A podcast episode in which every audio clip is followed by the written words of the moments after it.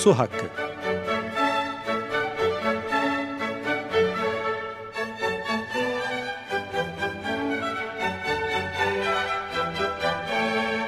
Kar için değil, yaşam için su.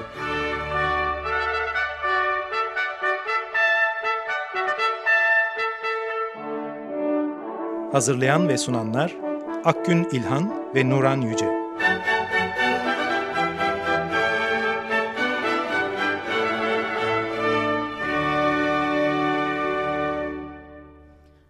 Su Hakkı'na hoş geldiniz. Ben Akgün İlhan. Ben Nuran Yüce. İklim kriziyle birlikte dünyanın pek çok yerinde artık su krizi ortaya çıkıyor. Dünya üzerinde iklim değişikliği ve ırkçılık bağlantısının görülebileceği pek çok somut örnekler e, var artık dünyamızda. Kaliforniya'da bu örneklerden bir tanesi. Nüfus istikrarı için Kaliforniyalılar grubu Dünya Günü'nde yani 22 Nisan'da televizyonda ırkçı bir reklam yayımladılar. Bu reklamda bir çocuk su kıtlığından ve aşırı kalabalıktan şikayet ediyor ve reklam şöyle son buluyor. Hadi gelin göçü durduralım, Kaliforniya'nın yarınlarını kurtaralım. Evet. Bu reklamlarda, reklamda daha doğrusu e, susuzluğun suçlusu göçmenler olarak net bir biçimde ifade ediliyordu. E, şimdi 20 Haziran Dünya Mülteciler Günü'ydü. 20 Haziran'da stüdyomuzdaki konuğumuz Gonca Şahin bir makale e, kaleme aldı. Bu makalenin içeriği de ekolojik krizle ve özellikle de iklim ve su kriziyle birlikte yükselen ırkçılığı e, irdeliyordu. E, biz de bu konuyu hiç gündemimize taşımamıştık özel olarak. istedik ki e, bu konuyu konuşalım. E, Gonca Şahin e, ırkçılığa ve milliyetçiliğe dur de e, platformunun e, aktivistlerinden uzun bir dönemden beri ama aynı zamanda bu yılın başından beri de Su Hakkı kampanyasının aktivistlerinden birlikte çalışma arkadaşımız. Öncelikle Gonca'ya hoş geldin diyelim. Merhaba. Hoş geldin Gonca. Ve e, Kaliforniya örneğinden yola çıkarak e, bu yükselen e, iklim krizinin, su krizinin yükselttiği ırkçılık ve milliyetçiliği konuşalım. E, Kaliforniya'dan başlayalım. Gonca, Kaliforniya'daki kuraklık ve bu bağlamda yükselen ırkçılığı e, konuşmaya başlayacak olursak ilk önce kuraklıkla ilgili ne demek istersin? Ben öncelikle Kaliforniya'da yaşanan kuraklığın şu an geldiği son noktayı ve bu kuraklığın insanların günlük yaşamını nasıl etkilediğini kısaca özetlemek istiyorum. Kaliforniya kelimenin gerçek anlamıyla kavruluyor şu günlerde. 2015 yılı ard arda yaşanan dördüncü kurak yıl. En kötüsü de kısa sürede kuraklığın sona ereceğine dair insanlarda umutların tamamıyla bitmiş olması. Mesela hmm. bu yıl Mart ayında bir mega kuraklık uyarısı yapıldı. Bu uyarıya göre kuraklık en az 20 yıl daha sürecek. Hı hı. Ama aslında bundan daha da kötü bir şey var.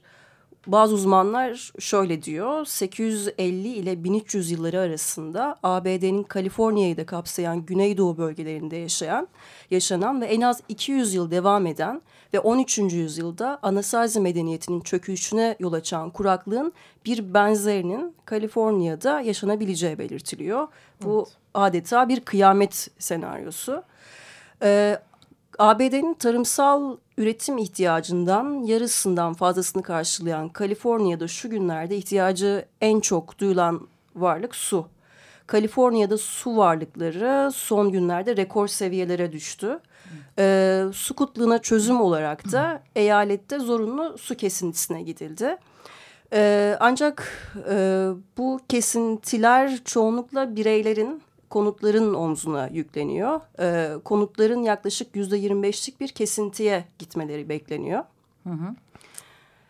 Evet, onların omzuna yükleniyor. Dolayısıyla tabii Kaliforniya'da insanlar öfkeli şu anda. Bu öfkeyi yöneltecek bir şey ya da birilerini e, arıyorlar. Sorumlu suçlu bulmaya çalışıyorlar evet, değil evet, mi? Evet, evet. Kesinlikle Hı. öyle. Ya Kaliforniya'da insanlar şu sorunun cevabına odaklanmış durumdalar. Suyumuza ne oldu? Ee, ya aslına bakarsanız hani çok şu günlerde sıcak bir tartışma var. Herkes birine odaklanmış ya da bir şeylere odaklanmış durumda. Hı. Ama bence hani medyadan takip edebildiğim kadarıyla toplumun belli kesimlerinde öfkenin yöneltildiği adresler doğru aslında. Hı. Yani baktığınız vakit e, kuraklık şartlarında karını artırmaya devam eden şirketler Hı. büyük oranda eleştirilerin hedefinde. Çünkü su tüketiminin büyük bir kısmından sorumlu olan ve küresel ısınmanın ortaya çıkmasında asıl pay sahibi olan şirketler baktığınız hı. vakit bu kesintilerden muaf. Hı. Yani mesela e, günde 2 milyon galondan fazla tatlı su kullanan petrol ve gaz endüstrisi bu kesintilerden muaf. Bu evet. çok önemli. Evet geçtiğimiz haftaya kadar Kaliforniya suyunun yüzde sekseninin seksenini kullanan tarım endüstrisi de e, bu kesintilerden hmm. muaf tutulmuştu. Evet. evet daha ilginç bir şey var. Lağım sularının arıtılıp içme suyu olarak kullanılmasının düşünüldüğü eyalette Nestle gibi büyük su şirketleri bu kesintilerden muaf. Hı Ee, yani öyle ki hani böyle eyaletin suyunu ambalajlayıp dünyaya satmaları ve bundan kar etmeleri dünyanın en normal şeyiymiş gibi gözüküyor. Hı -hı. Bu hikaye aslında bize Bizi, çok tanıdık evet, geliyor. Yabancı değil. Evet Hı -hı. yani işte 2014 yılında İstanbul'da çok ciddi bir kuraklık yaşanmıştı ve barajların su seviyesi yüzde 17'lere düşmüştü. İşte İstanbul Büyükşehir Belediyesi'ne bağlı bir kamu iştirakı olan Hamidiye Su AŞ dünyanın Hı. 40'tan fazla ülkesine ki bu ülkeler varlıklı ülkelerdi, yoksul ülkelerde Hı. değildi. Ambalajı su satıp karlarına kar katıyordu. Aynı dönemde Kadıköy'de ise insanlar duş almak için para verip damacana su alıyorlardı. Hı. Yani e, diğer taraftan başka eleştirilerin yöneltildiği hedefler de var. İşte bunlardan biri insanlar temel ihtiyaçlarına yetecek miktarda suyu ancak bulabilirken işte cezasını neyse öderiz deyip malikanelerinin çimlerini yeşertmeye, havuzlarını doldurmaya devam eden Beverly Hills sakinleri de eleştirilerin hedefinde. Hı Ee, başka bir hedefte de yerel yönetimler var. Çünkü kuraklığın tüm yükünü kesintilerle bireylerin omuzlarına yükleyip şirketlerin ya da işte tarım ya da hayvancılık endüstrisinin su tüketimine göz yumabiliyorlar. Ee, yani Kaliforniya'da genel olarak senin de dediğin gibi Akgün insanlar öfkeli ve herkes bitmek bilmeyen bu kuraklık durumunun hesabını kesecek bir suçlu arayışında. Aynen evet. evet. Kaliforniya'da geçen yıldan bu yana televizyonlarda ve sosyal medyada dönen 30 saniyelik o kamu spotu suçluyu bulduğunu iddia ediyordu. Bu kamu spotundan biraz bahsedebilir misin Gonca? Evet, bu kamu spotu oldukça ilginç ve üzerinde sahiden uzun tartışmalar yapmaya değer bir kamu spotu. Yaklaşık bir yıldır devam ediyor. Hem sosyal medyada hem de televizyonlarda. Kısaca şöyle anlatayım. Bu kamu spotunda 8-10 yaşlarında bir erkek çocuğu böyle son derece kaygılı bir yüz ifadesi ve ağlamaklı bir ses tonuyla şu soruyu soruyor. Kaliforniyalıların bu kadar az çocuğu varsa Kaliforniya neden bu kadar kalabalık ve neden bizim yeteri kadar suyumuz yok? Hı. İşte tüm sorularının yanıtını bilen bir dış ses vardır ya tüm kamu spotlarında çıkıyor ve şu cevabı veriyor. Kaliforniyalıların nüfus artışının yüzde 98'i dış göçlerden kaynaklanıyor. Haydi gelin göçü durduralım ve yarınlara daha güzel bir Kaliforniya bırakalım. Evet. Nüfus istikrarı için Kaliforniyalılar attı bu ırkçı grup aslında bilimselliği kendinden menkul verileriyle yeni günah keçisini bulmuş durumda. Tüm ırkçıların olağan şüphelisi göçmenler. Hı. İşte reklamda Hı. ilgimi çeken birkaç nokta vardı. Bunlardan en önemlisi masumiyeti temsil eden çocuk figürünün kullanılması. Hı. Bu aslında çok yaygın yani dünyanın her tarafında egemen sınıflar ve işte çeşitli ırkçı gruplar yalanlarına kitleleri ikna etmek için sıkça Hı. başvurdukları bir yöntem bu. İşte biz bu yöntemi yakın dönemde Akkuyu'da yapılacak nükleer santralin reklam filminde de görmüştük Aynen, aslında. Evet.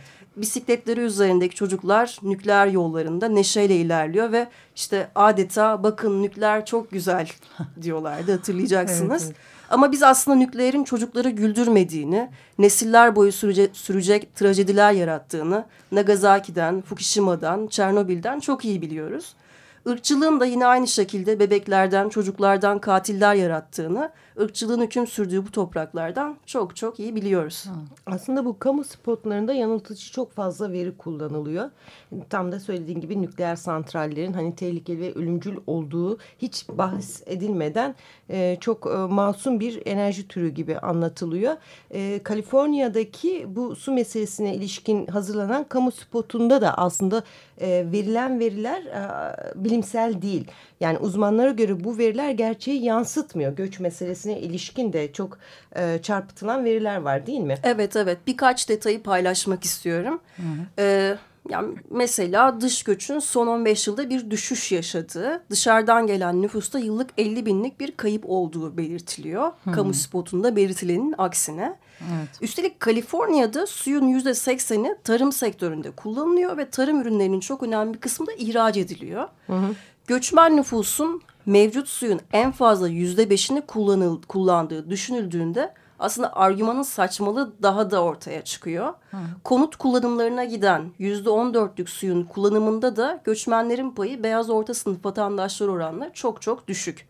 Hı. Yoğun su kullanımını gerektiren golf sahalarıyla mesela göçmenlerin hiçbir ilgisi yok. İşte birkaç ailenin birlikte yaşadığı göçmen evleri yoğun su tüketen tek aileli evlere kıyasla çok daha az su tüketiyor. Ve yine aynı şekilde göçmenler havuzlu evlerde oturmuyor.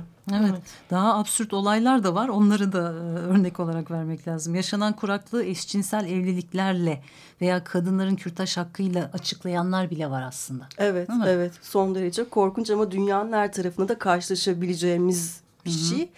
Ee, ama neyse ki şu günlerde Kaliforniya'da bu tür argümanlar toplumun geniş kesimlerinde pek karşılık bulunmuyor. En azından bu bir mutluluk sebebi bizim için. Ancak e, Kaliforniya'da yaşanan ciddi kuraklık ve su kıtlığında olduğu gibi hani toplumların böyle umutsuzluğa, kaygıya, öfkeye Hı. kapıldığı dönemlerde ırkçılık hızla güçlenebiliyor. Bu, bu söylemler çok evet, revaçta oluyor. Kesinlikle. Alıcı buluyor. Evet. evet ve azınlık gruplara nefret ve şiddet olarak geri dönebiliyor. Evet. Şimdi bu konu bitmez o yüzden bir müzikle evet. ara vereceğiz. Chris Rea'dan dinliyoruz Road to Hell.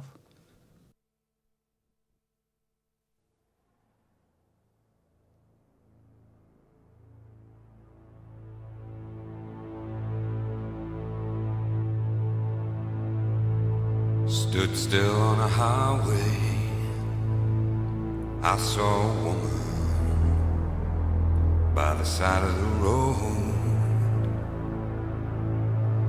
with a face that I knew like my own reflected in my window.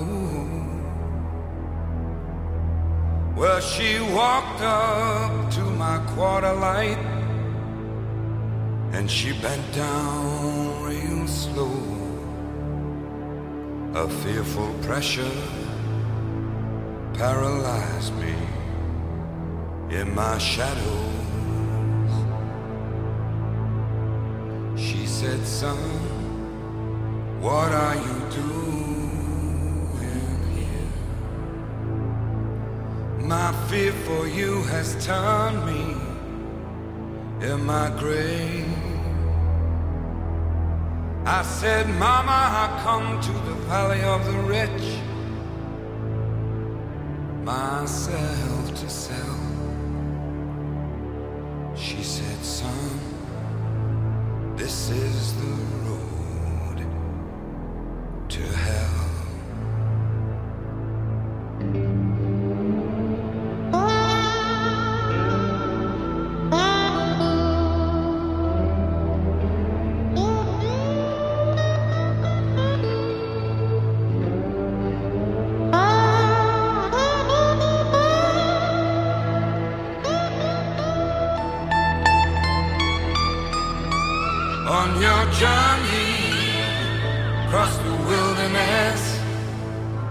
From the desert to the well, you have strayed upon the motorway to hell.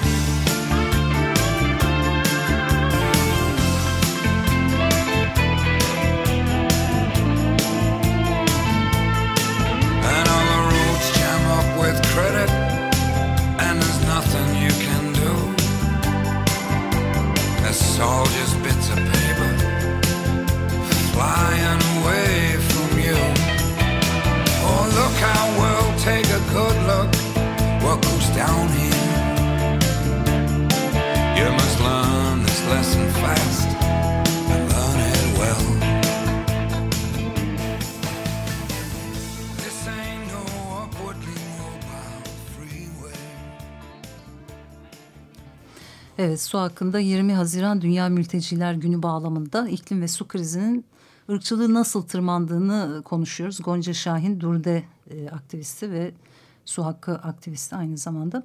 Gonca bu yeni bir mesele değil ama iklim kriziyle ırkçılık iyice yükseliyor. E, yani başka tarihsel olarak neler söyleyebilirsin iklim krizi ve ırkçılıkla ilgili? Aslında bu konuda Amerika Birleşik Devletleri'nde yapılmış epey çalışma var. Ee, oldukça ilginç bulduğum bazı bulguları paylaşmak istiyorum ben. Ee, bu çalışmalar şunu gösteriyor. Ayrımcı politika ve uygulamalar sonucu diğerlerine göre daha zor bir hayat yaşamak zorunda olan insanlar, dezavantajlı insanlar çevre sorunlarından daha fazla etkileniyor. Buna bazıları çevresel ırkçılık da diyebiliyor terim olarak. ABD'de etnik azınlıkların yaşadığı mahallelerden birinde yaşıyorsanız çocuk parkı yerine sanayi atık tesislerine komşu olma şansınız en az iki kat artıyor.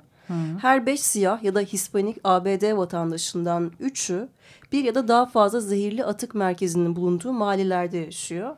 Yerli Amerikan nüfusun yarısı terk edilmiş ya da kontrol edilmeyen zehirli atık bölgelerinde kümelenmek durumunda.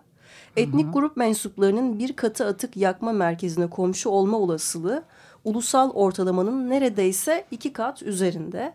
Siyah Amerikan vatandaşlarının yüzde 68'i bir termik santralin ağır kirlilik yarattığı bölgelerde yaşıyor. Ee, son olarak da siyah Amerikalıların ortalamadan 3 kat fazla astım hastası olduğunu biliyoruz. Ayrıca bunun yanı sıra tıbbi yardım gerektirecek kadar ağır astım olanların sayısı da siyah nüfusta beyaz nüfusa göre 3 kat fazla. Oldukça dramatik rakamlar. Evet, çok çarpıcı rakamlar.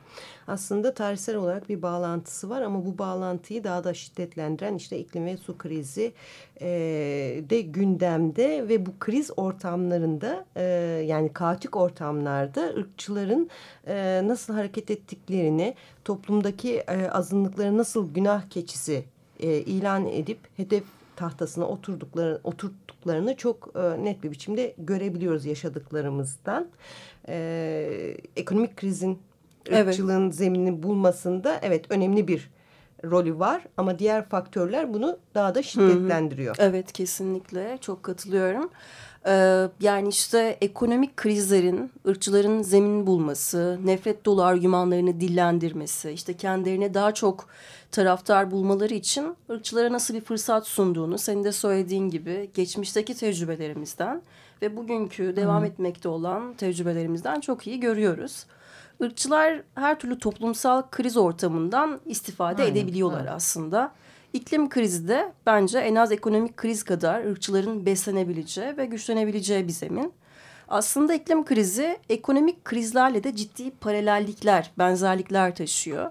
Ekonomik krizlerde olduğu gibi ortada işte böyle ihtiyaçları giderilmesi gereken bir insan kitlesi var. Ve azalan kaynaklar meselesi var. Azalan su, azalan gıda ve azalan diğer doğal varlıklar. Ve bu insan kitlesinin içinde bazıları diğerlerinden daha vatandaş, daha makbul, daha eşit, daha yerli vesaire olarak görülüyor. Evet bugün dünyanın neresinde olursanız olun ırkçı çevrelere sorduğunuzda istisnasız olarak hepsi göçmen karşıtı, mültecilere karşı. Bu çevreler kendi ülkelerinin sınırlarını kapatarak göçmenlerin gelmesini engellemenin peşindeler hep. Evet, evet aynen öyle.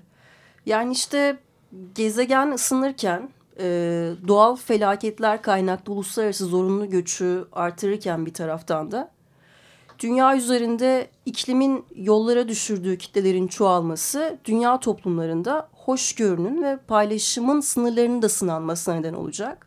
Hı hı. İşte en son 2008 dünya ekonomik krizi sırasında Avrupa'da gördüğümüz gibi aşırı sağ partilerin parlamentolarda yükselişi, faşist, neonezi ve ırkçı grupların sokaklarda hı hı. alenen göçmenleri ve diğer azınlıkları hedef alan nefret suçlarına ve eylemlerine girişmesi, Avrupa'nın mültecilere karşı sınırları sıkı sıkıya koruması, savaştan kaçan ve sığınacak bir ülke arayan insanların Akdeniz'in sularında boğulup ölmelerine evet. göz göre göre izin verilmesi örneklerinde olduğu gibi İklim değişikliği ile ilgili Afrika ve Asya'dan gelecek kitlesel göçlerle ilgili alınan önlemin aslında ne olacağını tahmin edebiliyoruz. Ya utanç duvarları örülecek ya da bir tarafında dünyanın ısınmasından sorumlu olanların refah içinde yaşay yaşayacağı ya da yaşadığı, diğer tarafında -hı. da savaşlardan, doğal felaketlerden kaçanlara ölüm ve sefaletin hak görüleceği güvenli kaleler yaratmak olmasına da şaşırmamalıyız. Ama bir yandan da küresel ısınma iklim değişikliği daha doğrusu bu göç dalgasını şiddetlendirecek. Çünkü e,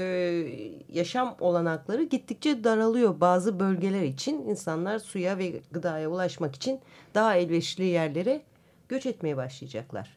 Yani göçmenlik, mültecilik meselesi e, pek parlak gözükmüyor bu durumda değil mi? Evet kesinlikle öyle. Uluslararası göç artık gittikçe daha çok konuşacağımız bir konu haline gelecek. Ama bir taraftan da baktığımız vakit hiçbir canlı yaşadığı yeri hiçbir zaman keyfi için terk etmez. İlla ki yerini yurdunu terk eden canlıyı buna zorlayan çok ciddi sorunların olması gerekiyor. İşte geçmişte ve bugünkü kaynaklara baktığımız vakit açlık, kıtlık, siyasi sorunlar, iç çatışmalar, savaşlar gibi meseleler e, bu göçlerin arkasındayken e, artık şeyin iklim değişikliğinin ciddi bir mesele haline geldiğini görüyoruz. Küresel iklim değişikliği mülteci kavramının tanımının genişlemesine olan en büyük etkenlerin başında geliyor. Örneğin Birleşmiş Milletler Hükümetler Arası İklim Değişikliği panelinin raporuna göre küresel iklim değişikliğinin en önemli sonuçlarından biri büyük ölçekli nüfus hareketlerine yol açacak olması. Küresel iklim değişikliği dünyanın kim yerlerinde şiddetli kuraklık ve çölleşmeye neden olurken kim yerlerde de şiddetli yağışlar, kasırgalar ve sellere neden oluyor. Şiddetli hmm. iklim olaylarının insanların temel ihtiyaçlarını karşıladığı ekosistemleri vurarak tarım arazilerini ve su varlıklarını olumsuz etkilemesi göç olgusunu kaçınılmaz Şiddetli. bir hale getiriyor. Evet. Gonca hı hı. E, süremiz çok azaldı. Evet. Aslında burada biz Suriye'yi falan da konuşmak isterdik. Çünkü Suriye'de e, aslında ayaklanmalara, devrime e, neden olan meselelerin başında kuraklıkta sayılıyor. E, ama başka bir programda e, ele alalım Suriye Tabii, meselesini. E, bir diğer konuya geçelim. E, uluslararası hukuk iklimin mağdur ettiği mültecileri korumak kısmında e, biliyoruz ki çok hmm. yeterli değil. Evet. Değil mi? Yani bu konuda da çok ciddi sorunlarımız var. Ona ilişkin de hani birkaç cümle sarf edebilirsek toparlamaya hmm. başlarız. Ya iklim mültecisi meselesi aslında günlük tartışmalarımızda sivil toplumcular olarak kullanmaya başladığımız bir kelime. Terminolojimiz arasına girmiş durumda. Ama hukuki olarak uluslararası hukukta ya da ulusal hukuklarda buna dair hiçbir düzenleme yok. Bunu aslında çok sadece. Teorik hmm. olarak tartışıyoruz. Devletlerin yaklaşımı belli. Mültecilik nedenlerini daraltmaya çalışıyorlar. Hı hı. E, bu konuda tek bir istisna var Yeni Zelanda. Yeni Zelanda'nın iklim değişikliği gerekçesiyle iltica başvurusu yapan bir Tuvalu bir ailenin gerekçesini dikkate alarak oturma hakkı vermesi son derece önemli bir karar. Ancak günümüzde devletlerin genel eğilimi mültecilik nedenlerini genişletmek yerine daha da daraltmaya çalışmak. Evet Gonca çok güzel bilgiler verdin bize ama son olarak bir de şunu konuşalım. İklim mültecileri için neler yapılmalı? Kısaca onu da söyleyebilirsen. Evet yani burada Birleşmiş milletlere önemli bir rol düşüyor. Yani acil olarak yapılması Hı -hı. gereken şeyler var. Küresel ısınmanın dünya yüzeyindeki etkileriyle doğru, orantılı, doğru orantılı olarak iklim mültecileri için acil bir eylem planının hazırlanarak harekete geçirilmesi Hı -hı. gerekiyor. Hı. Bir de tabii uluslararası hukukta iklim mülteciliği hukuki bir terim olarak içerdiği unsurlar ile birlikte çerçevelendirip tanımlanmalı.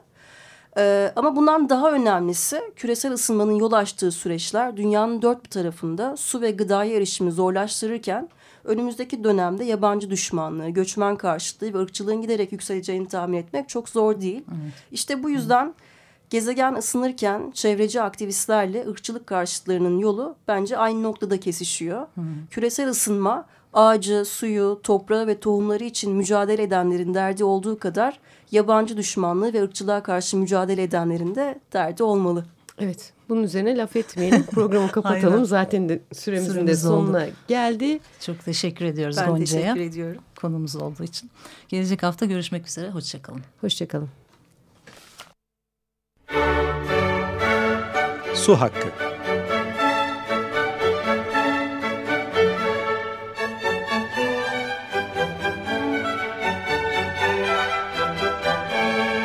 Kar için değil, yaşam için su.